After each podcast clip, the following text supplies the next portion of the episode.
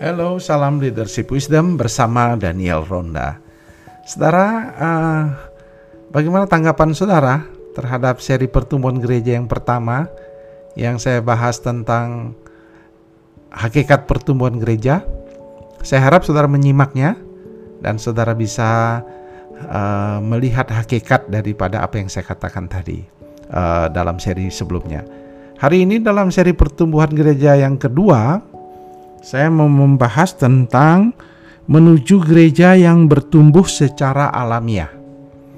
Nah, uh, kenapa saya membahas ini? Karena uh, di pertama saya sudah menyinggung tentang uh, pertumbuhan gereja ber, sering berfokus pada uh, sederhana sekali angka, uh, kuantiti, kuant, kuantitas, kualitas dan ekspansi.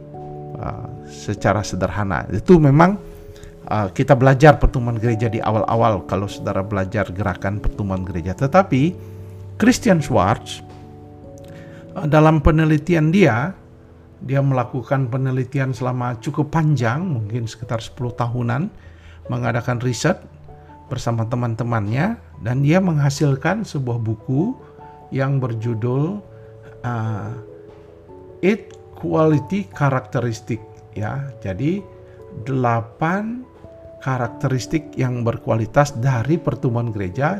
Judul bukunya Natural Church Development, pertumbuhan gereja yang alamiah.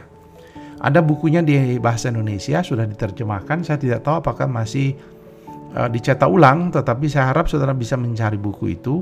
Dan uh, uh, Christian Schwartz menjadi sangat terkenal karena dia melakukannya itu berdasarkan studi yang ekstensif di berbagai negara terhadap rahasia bagaimana gereja bertumbuh secara alami. Berbeda dengan gerakan uh, Fuller Theological Seminary yang menekankan kepada angka dan seterusnya, uh, Christian Schwartz menekankan pentingnya gereja mengalami pertumbuhan secara alamiah. Gereja itu jadi sehat healthy church. Nah, kalau gerejanya itu bertumbuh, maka alamiah sehat, maka dia akan mengalami pertambahan secara angka. Dengan otomatis akan terjadi. Nah, artinya juga Christian Schwartz juga mungkin perlu juga di uh, dievaluasi atau dipikirkan. Dia mengatakan bahwa uh, setiap gereja memiliki keunikannya. Jangan kita Eh, campur tangan terlalu berlebihan, biarkanlah dia bertumbuh secara alamiah di bawah tuntunan Roh Kudus. Nah, memang uh, ini menjadi suatu debatable, tetapi saya rasa ada per, ada pentingnya bahwa gereja tidak bisa bertumbuh dengan uh, membuat uh, apa namanya kembaran-kembaran karena di tiap gereja atau tiap negara Tiap tempat memiliki keunikan cara Tuhan menumbuhkan gerejanya. Jadi uh, kita tahu tidak semua sama persis. Uh, kita hanya bisa membantu uh, mengerjakan apa yang Tuhan sendiri rencanakan dalam pertumbuhan gereja itu. Nah, itulah Christian Schwartz. Nah, dari penelitian Christian Schwartz, maka dia menemukan delapan hal yang menyebabkan gereja itu menjadi gereja yang sehat dan berkualitas. Nah, kalau 8 ini dimiliki, asumsinya sederhana sekali, 8 karakteristik ini dimiliki oleh gereja, maka gereja itu akan bertumbuh dan kalau dia bertumbuh secara alamiah, maka dia akan bertambah dengan sendirinya. Nah, itulah yang disebut uh, cara berpikir tentang pertumbuhan gereja yang alamiah, natural church development. Nah, ada baiknya kita mempelajarinya. Nah, apa yang dia katakan? Delapan hal. Yang pertama dia katakan pemberdayaan kepemimpinan dalam gereja. Uh, jadi empowering leadership. Jadi kalau kita mau gereja itu bertumbuh, maka kita memaksimalkan pelatihan-pelatihan, mencetak para pemimpin, melatih uh, pemuridan kepada beberapa orang-orang di dalam gereja untuk dijadikan pelayan, pemimpin, orang-orang yang terlibat dalam pelayanan. Jadi kalau tidak kita melatih, maka tidak mungkin gereja kita akan mengalami pertumbuhan. Misalnya pelatihan guru-guru sekolah minggu, pelatihan uh, pemimpin-pemimpin sel, pelatihan kemajelisan, pelatihan uh, banyak jenis-jenis kepemimpinan yang lain uh, dan seterusnya sehingga banyak terjadi multiplikasi kepemimpinan. Jadi pemberdayaan kepemimpinan itu menjadi sangat penting di dalam seorang gembala mau membuat gerejanya memiliki kualitas yang baik. Yang kedua adalah pelayanan yang berorientasi pada karunia. Jadi uh, Christian Schwartz menemukan bahwa kita harus mengembangkan pelayanan itu sesuai dengan karunia-karunia yang ada. Jangan uh, jangan satu orang mengambil semua begitu banyak karena dia aktif. Biasanya kalau dia aktif sebagai orang yang ikut paduan suara maka dia diajak lagi terlibat mengajar sekolah minggu, diajak lagi terlibat sehingga ter, or, satu orang bisa terlalu banyak di gereja pelayanannya, tapi yang lain kurang pelayanan di gereja. Nah ini harus menjadi perhatian kita, sehingga semua orang diberikan kesempatan. Tentu ada yang tidak mau, tetapi dimaksimalkan peran uh, jemaat terlibat, tetapi sesuai dengan karunia yang Tuhan berikan. Ah, bagaimana menemukan karunia? Memang ada yang disebut tes karunia. Saya sendiri uh, pernah melihat tes itu dan mencobanya, tetapi saya pikir uh, kita uh, perlu juga membuat semacam yang yang lebih simpel, lebih sederhana, mungkin wawancara dan sebagainya untuk mengetahui daripada sekedar hanya mengisi kuesioner atau tes. Yang ketiga, jadi uh, yang kedua itu tadi karunia penting sekali. Yang ketiga adalah uh, spiritualitas yang bergairah atau disebut passionate spirituality.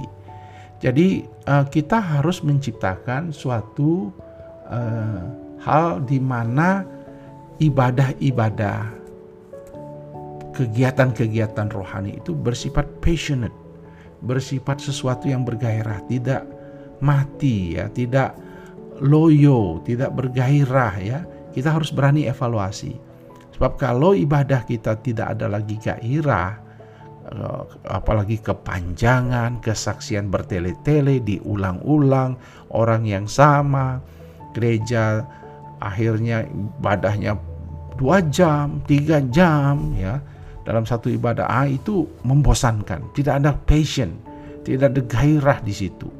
Jadi kita harus memastikan ibadah-ibadah kita di, kalau di perkotaan maksimal satu setengah jam, satu jam lima belas, satu setengah jam.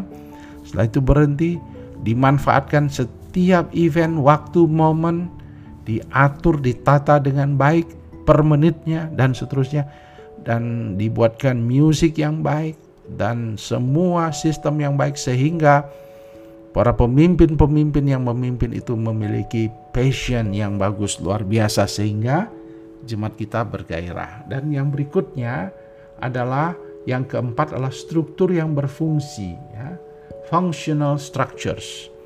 Jadi banyak orang membuat oh, struktur, strukturnya itu adalah struktur yang hierarkis, bukan struktur yang fungsional, ya.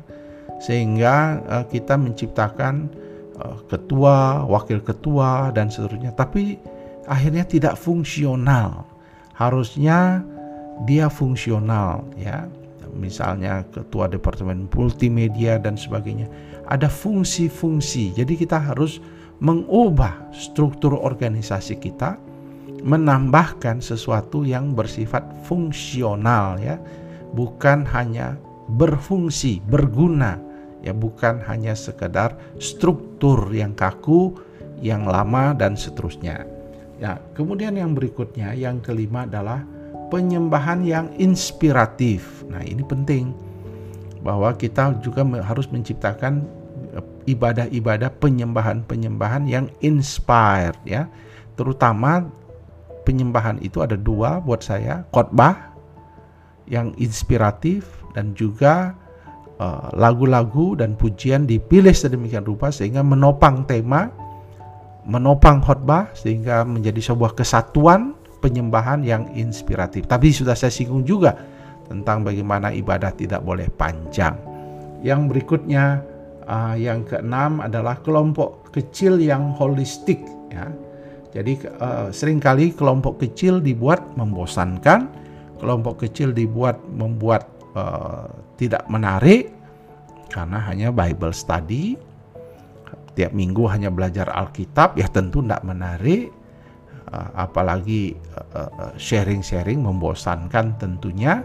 Tetapi kalau kita bersifat holistik artinya bisa kita membuat doa bersama, bisa kita membuat jalan-jalan rekreasi, care, uh, diakonia, apa pun semua dibuat semacam suatu kekeluargaan dalam kelompok kecil menjadi satu kegiatan-kegiatan yang uh, kebersamaan sehingga itu menjadi sesuatu yang bertumbuh holistik uh, kelompok kecil yang holistik. Jadi bukan hanya kelompok kecil yang hanya sekedar buka Alkitab dan sharing Alkitab dan membosankan. Nanti akhirnya tidak terjadi sesuatu yang bertumbuh ya.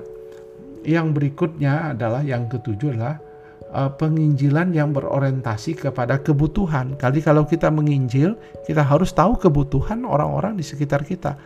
Apa yang menjadi target gereja kita hari ini? Apa yang menjadi target gereja perkotaan misalnya apa kita mau targetkan mahasiswa kita mau targetkan milenial apa apa kebutuhan mereka dunia digital mungkin pelayanan digital dan seterusnya. Penginjilan yang berorientasi kepada kebutuhan. Apa yang menjadi kebutuhan? Kalau di pedesaan mungkin kebutuhan uh, pendekatan-pendekatannya adalah pendekatan doa kuasa dan seterusnya. Pendekatan uh, ekonomi dan seterusnya. Jadi kita bisa mengembangkan pelayanan itu sesuai dengan kebutuhan masyarakat di sana. Dan yang kedelapan adalah hubungan yang penuh kasih atau yang disebut dengan loving relationship. Jadi gereja harus punya atmosfer kasih. Kalau tidak kita harus ciptakan. Tanpa atmosfer kasih gereja tidak akan mengalami kesehatan dan kalau dia tidak sehat tidak akan mengalami pertumbuhan. Jadi delapan ini menurut uh, Christian Schwartz berdasarkan penelitiannya, berdasarkan survei yang telah dibuatnya dan ditulis secara lengkap di buku Natural Church Development menjadi uh, penanda gereja itu akan mengalami pertumbuhan secara alami.